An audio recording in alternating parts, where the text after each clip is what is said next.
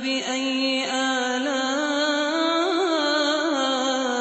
ربكما تكذبان؟ بسم الله الرحمن الرحيم. الحمد لله رب العالمين. أثنى على عباده المخلصين. وأشهد أن لا إله إلا الله وحده لا شريك له. شهادة أرجو بها النجاة يوم الدين. وأشهد أن محمدا عبده ورسوله إمام المتقين والمخلصين وقدوة القائمين الصائمين صلى الله عليه وعلى آله وأصحابه أجمعين أما بعد kaum muslimin dan muslimat rahimani wa rahimakumullah adalah cahaya penting untuk seorang hamba dan ibadah yang sangat agung serta lahan ketaatan yang mesti dijaga oleh setiap muslim dan muslimah yang berpuasa.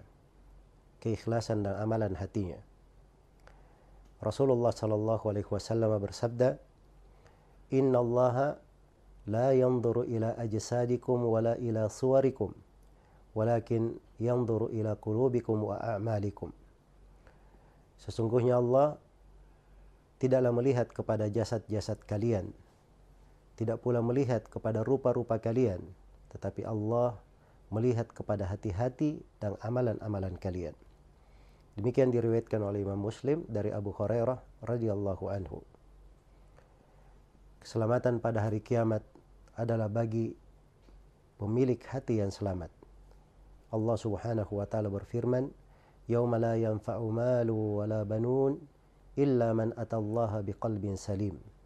Pada hari kiamat itu adalah hari yang harta dan anak-anak laki-laki tidak berguna kecuali orang-orang yang menghadap kepada Allah dengan hati yang selamat. Banyak hal tentang keikhlasan yang Rasulullah Sallallahu Alaihi Wasallam telah ingatkan di sela-sela pembahasan puasa. Di antaranya adalah tiga riwayat oleh Imam Al Bukhari dan Imam Muslim dari sahabat Abu Hurairah radhiyallahu anhu bahwa Rasulullah Sallallahu Alaihi Wasallam bersabda, "Man sama Ramadana imanan wa ihtisaban, ghufira lahu ma taqaddama min dhanbih." Siapa saja yang berpuasa Ramadan karena keimanan dan mengharap pahala, maka akan diampuni apa-apa yang telah lalu dari dosanya. Pada riwayat yang kedua, man qama ramadhana imanan wa ihtisaban ghufira lahu ma taqaddama min dhanbi. Siapa saja yang berdiri untuk qiyam Ramadan, salat malam di bulan Ramadan, karena keimanan dan mengharap pahala, maka akan diampuni apa-apa yang telah berlalu dari dosanya. Adapun riwayat ketiga, Rasulullah sallallahu alaihi wasallam bersabda, "Man qama lailatal qadri imanan wa ihtisaban, ghufira lahu ma taqaddama min dhanbi." Siapa saja yang berdiri melakukan qiyam di malam Lailatul Qadar karena keimanan dan mengharap pahala, maka akan diampuni apa-apa yang telah berlalu dari dosanya. Perhatikan pada tiga hadis ini syarat keikhlasan dalam sabda beliau sallallahu alaihi wasallam karena keimanan dan mengharap pahala.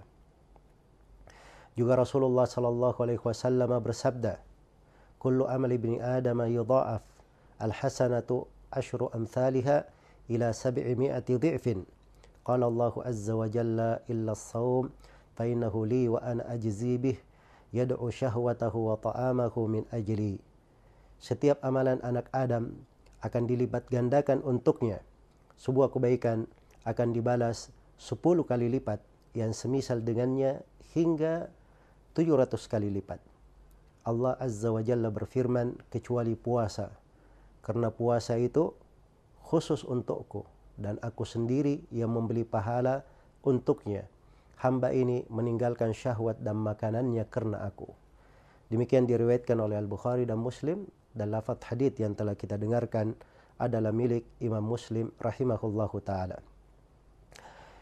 Ibadah puasa ini adalah latihan untuk seorang hamba dalam mengikhlaskan ibadah kepada Allah. Karena puasa adalah rahasia antara hamba dengan Robnya.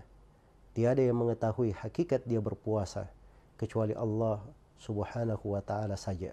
Saudaraku yang berpuasa, ikhlas adalah mengesahkan Allah dalam maksud ketaatan. sehingga tidak ada bagian apa pun untuk selain Allah pada amalannya. Bersih dari segala hal yang bisa mengotori amalannya. Keikhlasan adalah cahaya kehidupan seorang hamba dan sumber segala kebaikan untuknya. Banyak manfaat keikhlasan yang diterangkan dalam dalil-dalil Al-Quran dan Sunnah Rasulullah Sallallahu Alaihi Wasallam. Saya akan meringkas dalam beberapa hal berikut ini. Yang pertama, ikhlas adalah salah satu syarat diterimanya amalan. Yang kedua, Nabi Shallallahu Alaihi Wasallam diperintah khusus untuk mengikhlaskan seluruh ibadah beliau.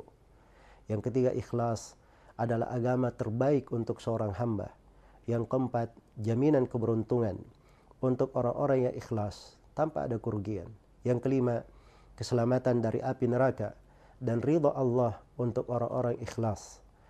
Yang keenam, ikhlas merupakan sebab pengampunan dosa Ketujuh, dengan ikhlas, amalan yang sedikit akan menjadi besar dan berlipat ganda. Kedelapan, ikhlas, sebab kelapangan dari segala himpitan dan musibah.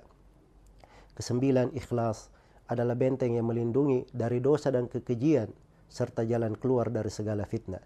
Kesepuluh, ikhlas adalah penjaga hamba dari gangguan dan makar syaitan. Kesebelas, ikhlas adalah sebab seorang hamba mendapatkan syafaat Nabi Muhammad sallallahu alaihi wasallam. Kedua belas, ikhlas membawa hamba kepada berbagai derajat yang tinggi walaupun amalan itu tidak mampu dia lakukan. Ketiga belas, ikhlas adalah salah satu sebab kelapangan rezeki untuk seorang hamba.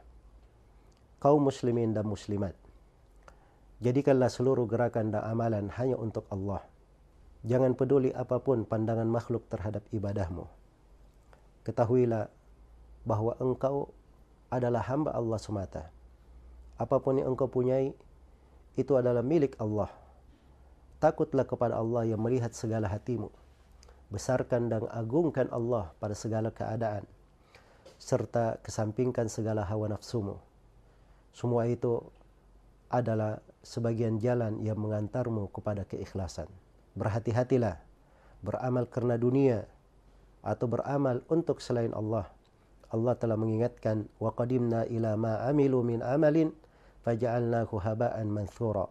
Dan kami hadapi segala amalan yang mereka kerjakan lalu kami menjadikan amalan itu bagikan debu yang berterbangan.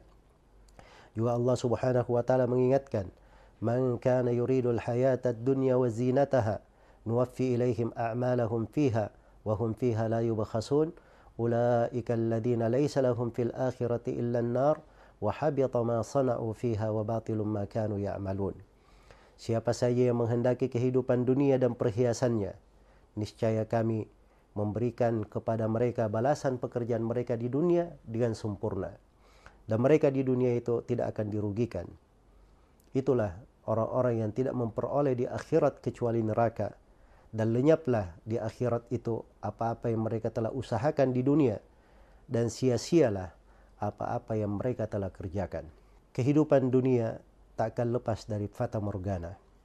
Setiap gemerlap dunia akan runtuh di hempas masa. Setiap amalan tanpa keikhlasan akan sirna. Bangunlah istana akhiratmu bersama mahligai bulan puasa. Semoga Allah Dhul Jalali wal Ikram selalu menambah untuk kita semua cahaya di atas cahaya serta membukakan untuk kita pintu-pintu ibadah menuju kepada Allah dan surganya innahu waliyu dhalika wal qadiru alaihi walhamdulillahi rabbil alamin